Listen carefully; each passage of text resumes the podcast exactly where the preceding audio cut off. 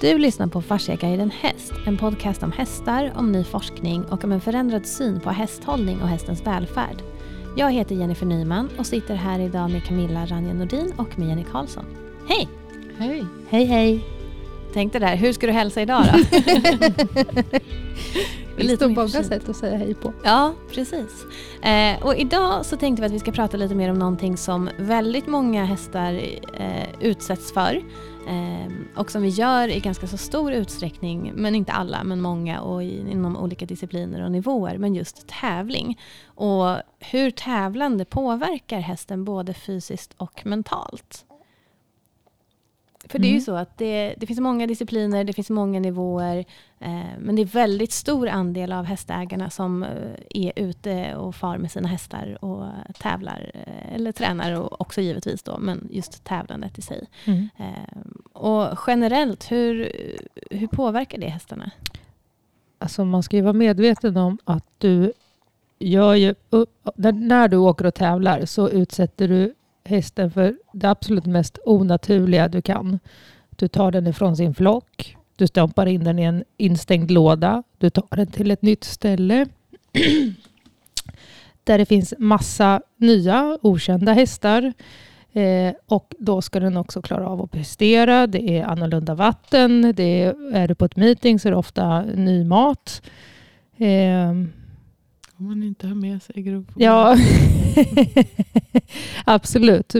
Och det kanske är vanliga. Jag vet inte, jag får för mig att man har ett foder hemma och sen är det många som köper såna här småbalar eh, utav någonting som man har med sig. Det är nog väldigt olika skulle jag Ja, det är säkert, det låter jag vara En osagt. del, Men en del är jättenoga med att inte byta, Ja. byta foder under Så är det. tävling. Men, alltså, en del allt, allt, allt du kan utsätta för en häst för gör du när du åker och tävlar. Så det är ju inte... Det är ganska mycket en häst ska klara av att hantera både fysiskt och mentalt. Mm. Så det är klart att det påverkar. Och hur? Stress sätter spänningar i kroppen. Alltså allting är ju stress av någon form. Ja. Och stress är inte bra för fascian. Nej, stress är inte bra för fascian. Men sen, sen finns det ju, det finns ju hästar som älskar att tävla. Absolut. Så att det, det, det är ju väldigt individuellt. Men de måste ju få vänja sig vid det. Och som sagt, att, att låta hästen vänja sig och lära sig att, att tävla. Eh, träna på pay and jumper. Behöver kanske inte åka på en tävling med massor med på, på en gång. Utan att träna på låg nivå. Alltså tävla på låg nivå tills hästen känns bekväm och, och gör det med glädje.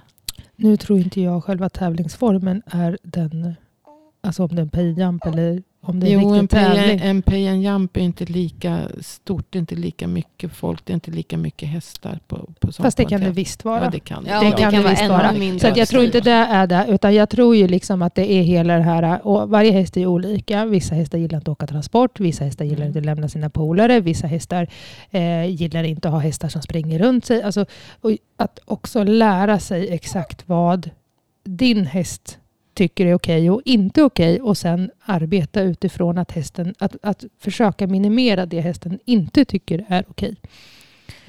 Och framförallt låt, låta den så att säga, vänja sig vid, Mm. vid miljön. Alltså, Och att den inte i början behöver hantera allting på en gång. Utan att den först får lära sig att lämna sina polare. Och sen får den lära sig åka transport. Och sen får den lära sig komma till en ny plats. Och sen får den, alltså, så att man tar en sak i taget innan man kopplar ihop det.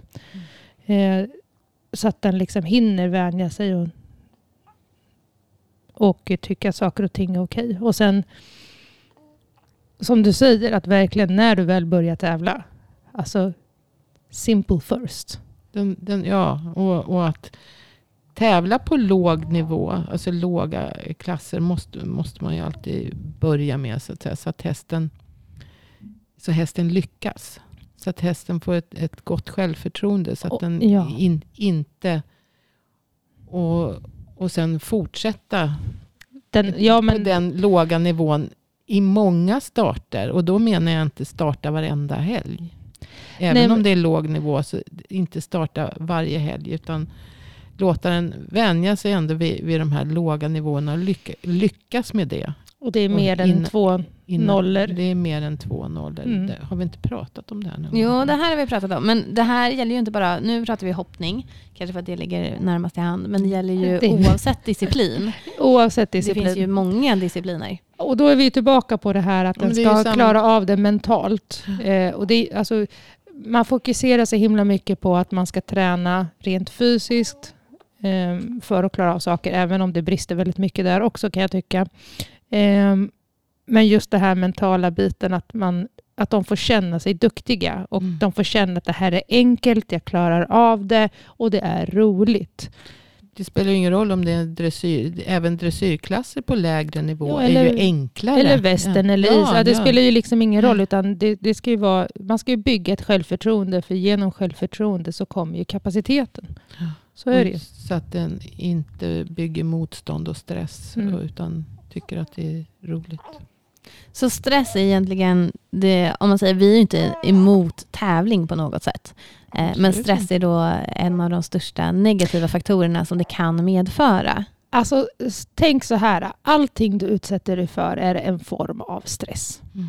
Oavsett vad du äter, vart du lever, hur du belastar kroppen, alltså hur du tränar, hur du sover. Alltså allting, precis allting du utsätter dig för är en form av stress. Fysiskt eller mentalt. Eller mentalt. Mm. Och allting påverkar kroppen, fascian. Och då var vi inne lite på det i förra avsnittet att det är magsår eh, uppstår ju ofta av stress. Eh, vad mer kan eh, hända då? Ni pratade lite om fascian, att den inte mår bra av det. Vad händer fysiskt ofta om, av en stressad häst? Alltså, stress ökar ju kortisolnivåerna i blodet. Och ökade kortisolnivåer ger höga blodsockernivåer. Och höga blodsockernivåer påverkar fascian väldigt negativt. Därför att det, det vet man nu idag att det finns Eh, om man nu bara ska prata. Dels så påverkar det den här lösa grundsubstansen. Den här flytande delen som vi pratade om. Genom att eh, det, det blir mer tjockflytande. Men, men framförallt så blir ju kollagennätverket. Alltså kollagenfibrerna. Har normalt för att de. Det finns ju överallt i fascian. Eh, kollagen. Och eh, kollagen. För att det ska bli starkt så finns det någonting som heter enzymatiska bindningar. Alltså det, det blir tvärbindningar mellan kollagenfibrerna. Som så att säga stabiliserar upp det här nät, fibernätverket genom kroppen. Och de, de är så att säga normala. De ska finnas där för att det ska bli stabilt. De behöver för övrigt C-vitamin för att bildas. Det är en helt egen podd. Men eh, det, det är alltså de, de här tvärbindningarna eh, kallas då för, för enzymatiska. Därför att de eh, behöver ett enzym då för att eh, bi- bildas. Och, men sen så kan det bli något som man ibland kallar för patologiska tvärbindningar. Eller sockerbindningar säger en del forskare också. Och det, det kommer sig av eh, onormala skeenden. Så att, säga. Att, att man blir för stillasittande, kanske är orörlig i någon kroppsdel eller så. Så kommer bildas sådana här eh, sockerbindningar. Och en Så- häst blir kanske inte stillasittande. Nej, men står den mycket kan bli stillastående. Ja. Ja, och, det, och det här kan ju röra bara en viss kroppsdel också. Om man blir spänd i en kroppsdel. Så att man undviker att röra den fullt ut. Man skaffar sig kompensatoriska rörelser. Och då kommer den här delen som man försöker undvika att röra. Den kommer så småningom få bli ännu tajtare med såna här socker, så kallade sockerbindningar. Vi kallar dem för sockerbindningar. De kallas också för AGE-bindningar. Men, men eh, eh, och det här gör ju också, blir det en höjd blodsockernivå på grund av förhöjda kortisolnivåer, alltså stresshormoner. Så kommer det bli mycket socker som jag sa. Och då ökar de här sockerbindningarna också. Det är därför de kallas för sockerbindningar. Eh, så att eh, det här är ju också ett av skälen till varför diabetiker så att säga, har, har en skörare, mer stum, orörlig eller oelastisk fascia. Men sen kommer det med med det också för att få en tätare fascia och en mer orörlig fascia eftersom all näring transporteras Ja. till cellerna Mm, via precis. fascian, den Mm. flytande delen av fascia. Eh, och när den blir stel och orörlig då får du också ett mindre näringsupptag i den, det området. Och det, Mindre flöde. ja, Mm. Eh, och får inte cellerna den näring de behöver, då kan de ju inte fungera. De kan inte nyproducera och de kan inte producera det de ska producera. Och vad innebär det lite mer på en lättare nivå då än på cellnivå? Ja, alltså den kroppsdelen slutar ju fungera. Ja, så det, det blir ju spänningar i den, den kroppsdelen. Du, du, kommer, ju- du får ju syrebrist, du får näringsbrist. Och det, det, Så Ja. du kan ha en väldigt stel häst till exempel så kan det här ja, vara... det, Ett det, väldigt- det kan ju ett vara väldigt- en kroppsdel som är Vi kan ta ett stel. väldigt tydligt eller väldigt enkelt exempel är till exempel om du har en sadel som inte passar hästen utan trycker. Det trycker då på en muskel och då blir det då ett sånt högt tryck så att fascian då den stelnar till och den blir ju liksom inte fungerande överhuvudtaget. Och då, bild, då blir det ju då, det får ingen näring och den blir då undantryckt, atrofi Mm. heter det va. Mm. Så att den tillbaka bildas ju. Den försvinner. Det är ett ganska typ, alltså klar eh, för, tecken. eh, Jo, men det, det gör ju ont när det trycker där. Och då Mm. undviker ju hästen så att, säga, att använda Precis. bogbladet. eh, Den vill ju inte föra bogbladet bakåt. Utan den kommer att korta steget. För när Mm. benet går fram så kommer bogbladet gå bakåt. Och då kommer den att korta steget för att undvika att bogbladet ska gå Mm. så långt bak där det gör ont. Och det kommer innebära att den där muskeln, dels utav trycket som du sa, då, syrebrist, näringsbrist. Men också utav att den inte används i den Precis. utsträckning kommer ju göra att muskeln tillbakabildas. För Kro- kroppen kommer inte lägga energi på Nej, någonting precis. som inte används. Och, och det här som sagt, det kan ju bara röra en, en viss kroppsdel som, som nu pratar vi, sa vi sadeln, men bara ett exempel på en häst som jag behandlade som eh, där de sa att det, det var en rätt ung häst. Men den eh, var ju inriden och, och sådär. Och ja, gick i, i lite lättare grundarbete. Men den eh, gick jättebra i vänstervarv tror jag det var. Strunt samma. Gick Mm. jättebra i ena varvet. Och på töm också. Och, och, eh, och riden. Spelade ingen roll. Gick hur bra som helst. Men så fort de eh, försökte få den att gå i höger varv och böja sig åt höger så fick hästen panik. Mm. Alltså fullständig panik.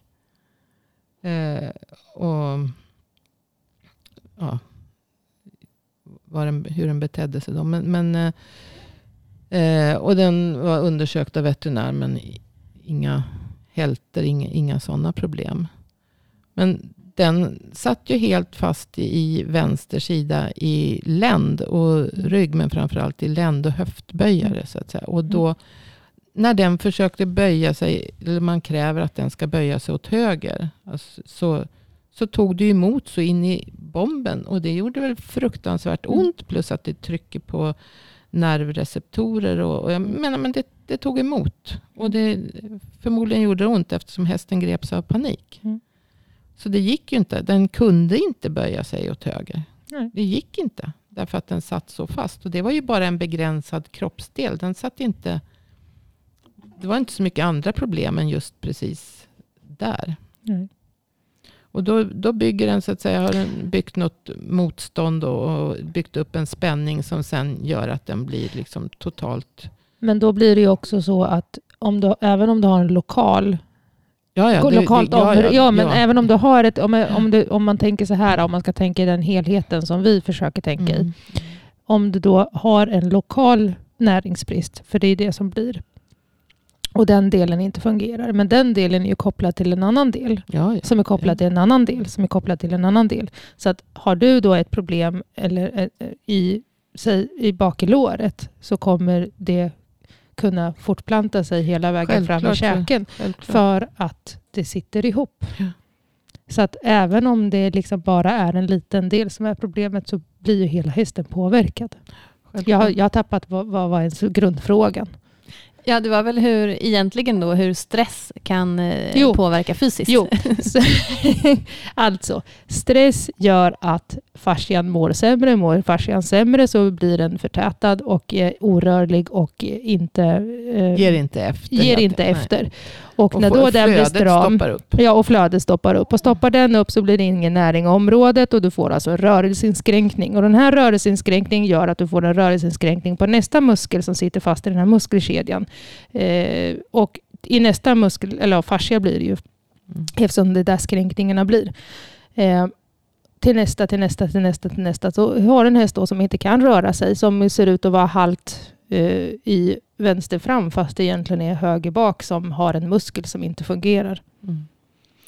Kan, Men- kan, tänkte jag, kan stress då också vara så att hästen har en fysisk stress, för det får man väl kalla det då, Ja. fysisk stress, utan att det märks eh, mentalt att hästen blir stressad när man till exempel då är på tävling?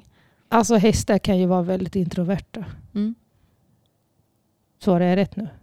Va- Rätt, varför- det varför- får du svara för själv, Ja, nej, men- men alltså, varför, jag funderar på om jag vände på svaret. Vad- Det var nej, det jag, nej, men just att så Jo, här, att de inte visar menar du? att de inte Mm. visar. Ja, men precis. Hästar kan ju vara Ja, den väldigt, här väldigt visade ju introverta. väldigt tydligt, då, Mm. men den, den var ju inte på tävling. Men, men, eh, den, så jag vet inte, jag Men alltså, drog jag den bara tror- just bara för att du Alltså, pratade ja. att det påverkar fascian. Ja, men det är klart att det gör. Och sen så här, jag tror att alla hästar visar att de är stressade. Det är bara vi som inte fattar att läsa.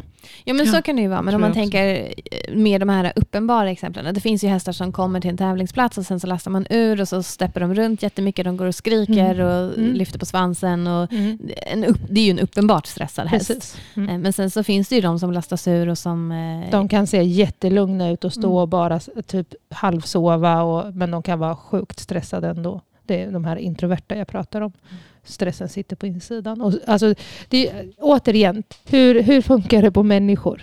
Vi är ju olika. Vissa när de blir stressade så far de ju runt som popcorn och vet inte vad de håller på med eller var de har lagt grejer.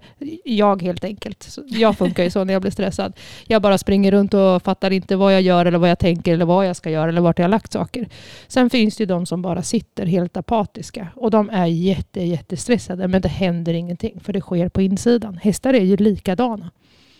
Det funkar likadant. Så har man en häst som är stel eller kort i steget eller att det är någonting sånt så kan det också vara att den Ja, ovillig, vill inte, alltså, de vill inte dricka, de vill inte äta godis. Alltså om man ger dem en, en morotsbit och de inte vill ha dem är det ett ganska tydligt tecken på att de är stressade. Eh, de inte vill, alltså de, eh, de inte helt enkelt verkar bekväma. De stänger av. Istället Ja. för flykt och, och försvar så att säga, så, så fryser de. om Mm. Man Men- säger så. Det här med att inte dricka är ju ganska vanligt. Mm. Det är ju väldigt många som inte dricker när man ger dem en hink med vatten på Mm. tävlingsplats. Jajamän.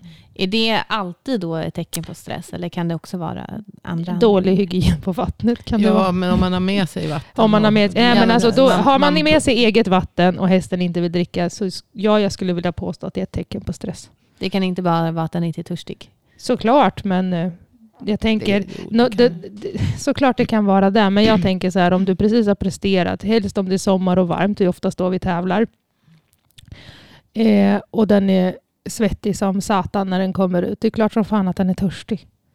Det hade jag varit i alla fall. Ja, jo.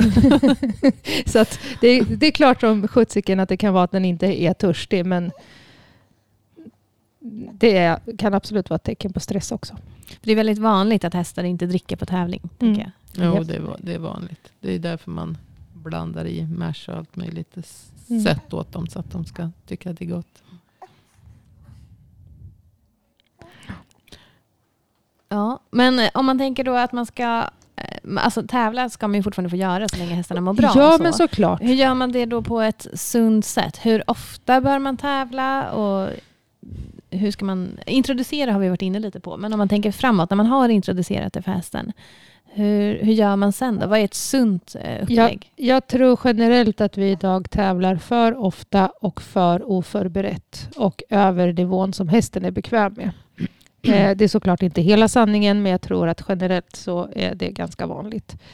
Eh, Jag tror på att ta en sak i taget, ta det långsamt. Kanske Ibland också över nivån än vad ryttaren är. Ja, absolut. Men framförallt att hålla sig på en nivå hela tiden så hästen känns känner att det här klarar jag av.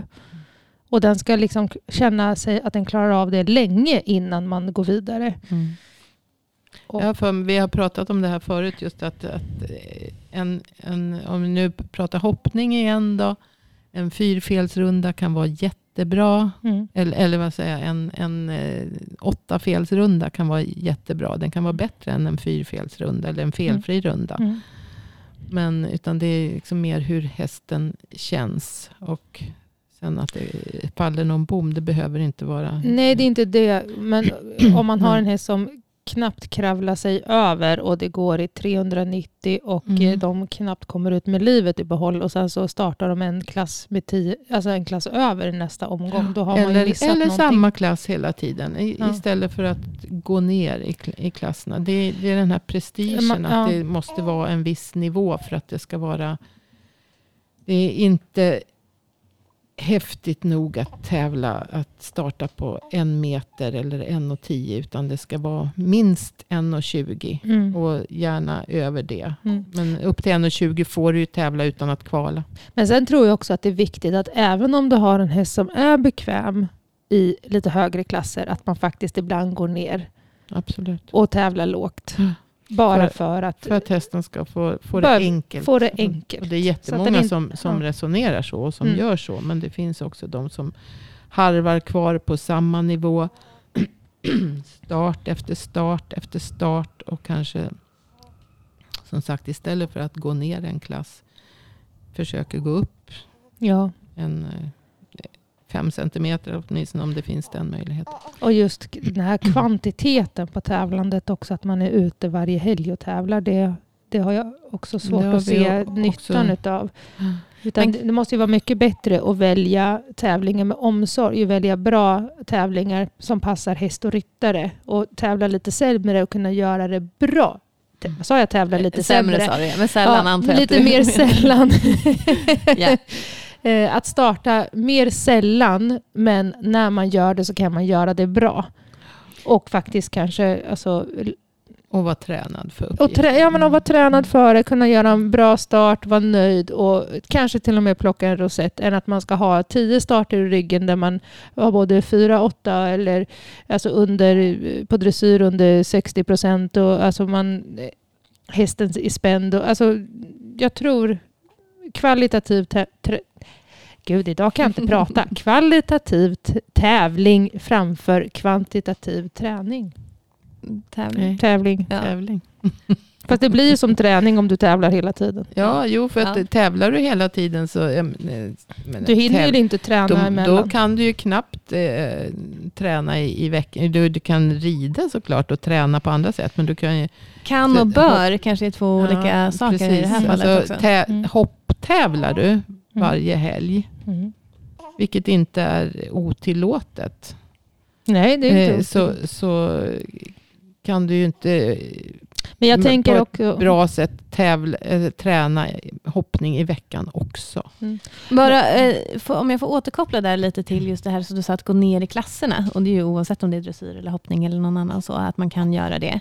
Kan det finnas också ett motstånd till att de som då tävlar och är på den nivån, att de tycker att varför kommer du hit? Och att man därför inte vill göra det för att det är lättare att man tar deras placeringar. Förstår ni hur jag menar?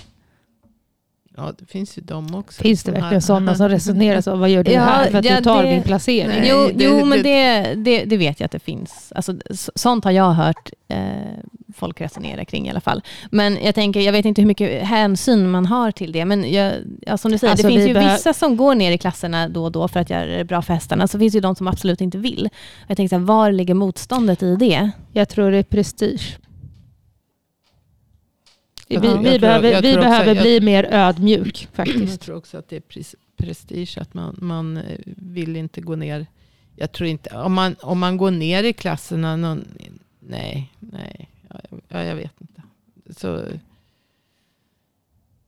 Fast det, man har ju, alltså jag har ju hört både, alltså att det kommenteras både på hästen, om hästen har presterat högt och sen säljs den till en som inte vet du, har tävlat lika högt så, så får hästen gå ner i klasserna. Så har man ju hört kommentarer som varför tävlar de så lågt? Den där hästen kan ju. Ja, men Men jag vet ekipaget kan inte. Men ekipaget kan inte. Väl, Men jag vet inte om jag har hört att eh, man säger så om själva ryttaren. Varför är du här nere? För att du har ju tävlat så mycket högre. Ja. Men på hästen har jag hört det. det är väl snarare en, en eloge till den ryttaren. Jag menar, om hästen haft en viloperiod eller eh, eventuellt skada. eller Undrar om det här, är det här ett fenomen på hopp och dressyr tror du? Tror du det är likadant inom västern och Islands tävling och-. VE. VE? Just det, E. Ja. VE. Många. Jag vet inte. Man kanske är mer ödmjuk. Jag vet. Det jag Men- tänker också, om man känner att man vill tävla men att man vill eh, till exempel då gå ner i klasserna och göra det lite lättare för hästen och sånt. Man kan ju också starta avdelning B. Men Mm. precis vad jag skulle säga. Man, Kan man göra det oavsett hur gammal hästen är? ja, Ja, Mm, visst. det och det är göra. billigare också. Förut kallades det för Fasiken, unghästklass. då är ju alltid där jag skulle vilja tävla. Men, du, Mindre men press. förut he- hette det ju unghästklass men nu heter Mm. det avdelning B. Och det, det är liksom, där får vem som helst starta. Det är bara, då kan du ju inte vinna. Så Nej. att säga. Då kan Nej, du inte precis. slå, Men någonting ta annat jag funderar på. någon annan. Om man går till de här sporterna då där hästen tar ut sig väldigt mycket. Säga vad man vill och hoppning och dressyr så är ju i förhållande så mot galopp och trav tänker jag då. Där deras tävling, där är de ju liksom, det är ju maximalt energiuttag. Mm. Gör man det lika ofta som man hoppar och dressyrar varje helg och så? Och Nej. jag tänker hur Nej, de har ju påverkar... regler. De har regler. För jag tänker, där, där eh, hade du... Ja, okej. Ja, det är väl Eh, ganska bra, tänker jag. För att, att ta ut sig i de maximala... Travet har i alla fall regler för att du inte får... eh, Startar du två helger på raken så tror jag startförbud sen ett antal, par, två veckor eller något. Mm. okej. Så att det, jag, Ja. jag tror att det i alla fall har varit så. Mm. Ehm, och det är knappast borttaget. Det, det, är, ju liksom, det, det är ju väldigt... Det är ju av djurskyddsskäl. Ja, men precis. Det är det ja, jag menar. Man mm. kanske borde ha något liknande på... Ja, men det var väl det vi pratade om förut vid något tillfälle. Just att, att eh, det är inte bara två felfria runder. Nu är det ju mycket så. Alltså, I alla fall upp till 1,20 får du starta. Mm. Du, skulle, du kan i princip starta en häst som aldrig har hoppat för 1,20 utan att någon säger något. Mm. Mer än möjligen att folk rynkar på näsan och undrar vad de håller på med. Men, men, Men hur eh, ofta gör de det? Alltså, Nej, undrar det- vad du det- håller på. det ju- är väl inte rynka på så näsan vanligt. kanske, men jag tror inte att så många vågar gå och säga så här, Nej, du, nej, det är eh, hur, hur tänker nej. du egentligen? Det är kanske inte så man uttrycker sig. Men man däremot så är det ju ofta så att man startar kanske en, två gånger. En gång på 90, en gång på en meter.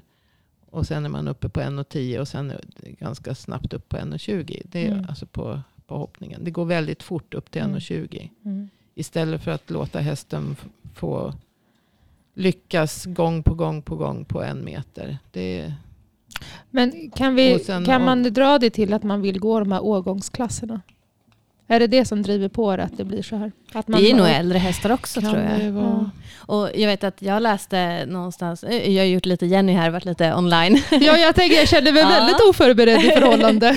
Nej men jag läste i alla fall någonstans att det hade varit någon, någon som hade någon ponny på foder och sen så hade de åkt och ridit en and jump och hoppat en och tio med den fast den var fyra eller något sånt här. Och då vet jag att då hade i alla fall arrangören gått in och kontaktat ägarna till eh, ponnyn. Mm. Eh, och De får väl inte ens Nej, jag tänkte-. Nej men pay and jump finns ju inga regler. Inte, ja, det var pengar. Ja, men men där, jag tänker att där, det är ju, civilkurage är väl fel ord, men där är ändå så här, där var det ändå någon som reagerade när någonting inte var helt Det är bra. väl för hästen det, och bo, gjorde jättebra. det borde Ja. vara Jättebra. samma TR, alltså regler även på en pay and jump. Så, så att det, det måste ju arrangören hålla koll på. Att det inte är någon fyraåring som startar en och tio. Alltså, det är ju är det träning, det är ju som tränare, alltså, det finns ju tränare som drar upp hindren för, för unga Ja, hästar och ja, ponnyer ja, också. Det är samma sak egentligen. Så det är ju inte rätt. Inte Nej, någonstans nej, nej, rätt. nej. Men det var bra att de agerade i det här ja, fallet. absolut. Mer sånt skulle jag vilja se. Ja, ja, men verkligen. Och det gäller väl egentligen allting när vi har med hästhållningen att göra. Och hur vi använder dem. Allt ifrån eh, hur vi tränar dem, hur hårt vi spänner nosgrimmorna. Man kan ju som sagt hoppas, det kanske ändå är på gång att det blir mer och mer så att domare och folk runt omkring reagerar. Till exempel för hårt spända nosgrimmor och för eh, alla man kan, möjliga ju, man kan hoppas det i alla fall. Jag tror att idag är det nog så att eh, man är så himla rädd för att bli utanför också. Om man går mot strömmen för mycket. Ja. Det pratas ju mycket om så här inre klickar och att hästvärlden är liten och alla känner alla. Och, ja, Ja så är det nog i mångt och mycket. Men, Mm. eh, men, men det är någonstans också, det är lite därför vi finns också. Att vi vill ju upplysa. För vi, någonstans får vi också utgå ifrån att om folk startar för ofta eller att de hoppar Mm. för höga klasser eller rider dressyr med rörelser de inte klarar av och sånt. Att Mm. Det kanske inte är för att man eh, vill sätta sin prestige framför någonting annat, utan, eller hästens välmående framför allt, utan att man faktiskt, lite okunskap Ja. förhoppningsvis. Och att, Ja, men jag förstår inte vad det är för glädje för en själv att, att starta en för hög klass oavsett om det alltså en för hög klass än vad ekipaget så att säga. Jag tror inte man ser sin egen Eh, begränsning. Och sen eh, kom jag på en sak men- till. Det kan Alltså också både vara... hoppning eller dressyr är ju att du, hästen får göra svårare än vad den så att säga kanske... Precis, och man, ska också. också vara, man ska också vara tillräckligt medveten för att förstå att man utsätter Ja, den för något. ja. För jag menar, det var lite dit jag ville. Att ja, alltså jag tror, men jag att tror att kunskapsnivån är lite och- för låg för också. För att många gånger så tror man, ta bara som en sån himla enkel sak att nu kanske jag sticker ut hakan lite, men du har en häst som är jävligt stark. Man betslar upp och man betslar upp och hästen drar och hästen drar. Varför är den stark? Varför är den stark? Jo, för att den är så in i helsike svag i bak. Ja, Men man kan så. inte dra de parallellerna, utan man tror att det är betslingsfel och man tror att det är ditten och datten och det är ryttaren som rider fel och det är hej och hå. Och man måste ju kunna analysera, är, jag verkligen, är vi mogna för det här? Mm. Och Men sen det- tror jag, en annan sak tror jag också, dit jag vill komma är också att ofta så har man väldigt fina hästar som har mycket högre kapacitet än vad man själv har. Eh, och då tror jag också att det kan vara en hel del grupptryck. Varför, varför rider du på den här låga nivån när du har en sån fin häst? Du borde tävla mycket högre. Du borde kunna starta den här klassen istället. Ja, så Det är bättre säkert. att starta en lägre klass och lyckas. Ja, men både, det är inte både det vi- för ryttaren Ja, det är väl klart. hästen. Det är dit vi vill komma, rosetter kanske. Ja, det är ju dit vi vill komma Mm. Camilla. Men det är inte, det vi, nu pratar vi om hur det är, hur vi tror att det är. Varför det är som det är. Bättre felfria, tio felfria enmeter sen. tio, tio, Är och bör är vi på nu. åtta, åtta, en och tio med åtta fel. Ja. Mm. Jag tror att det är ganska tydligt var vi står någonstans och vad vi tycker. Eh, men eh, sen är det väl att eh, ja, kunskapsbristen eh, kanske behöver minskas. ja, så är det ju. Så man kan ju gå upp och nosa på klassen över men sen direkt gå ner igen. Till, Ja, till och det är. Man också måste, någonting man måste som jag ju har någon funderat gång på. utmana sig själv och Ja. hästen och testa kanske. Ja, men det är väl klart, man måste ju kunna klättra. Men, och det är också någonting som jag funderat på, att när, när man väl tar beslutet att nu går vi upp en klass, då går man upp och så stannar man där. Ja, Istället precis. för att Ja. gå upp en Mm. och prova och sen gå tillbaka. Även om det går dåligt så stannar man där. Därför Ja. att det ska gå bättre nästa gång. Och Ja. så fortsätter jag liksom.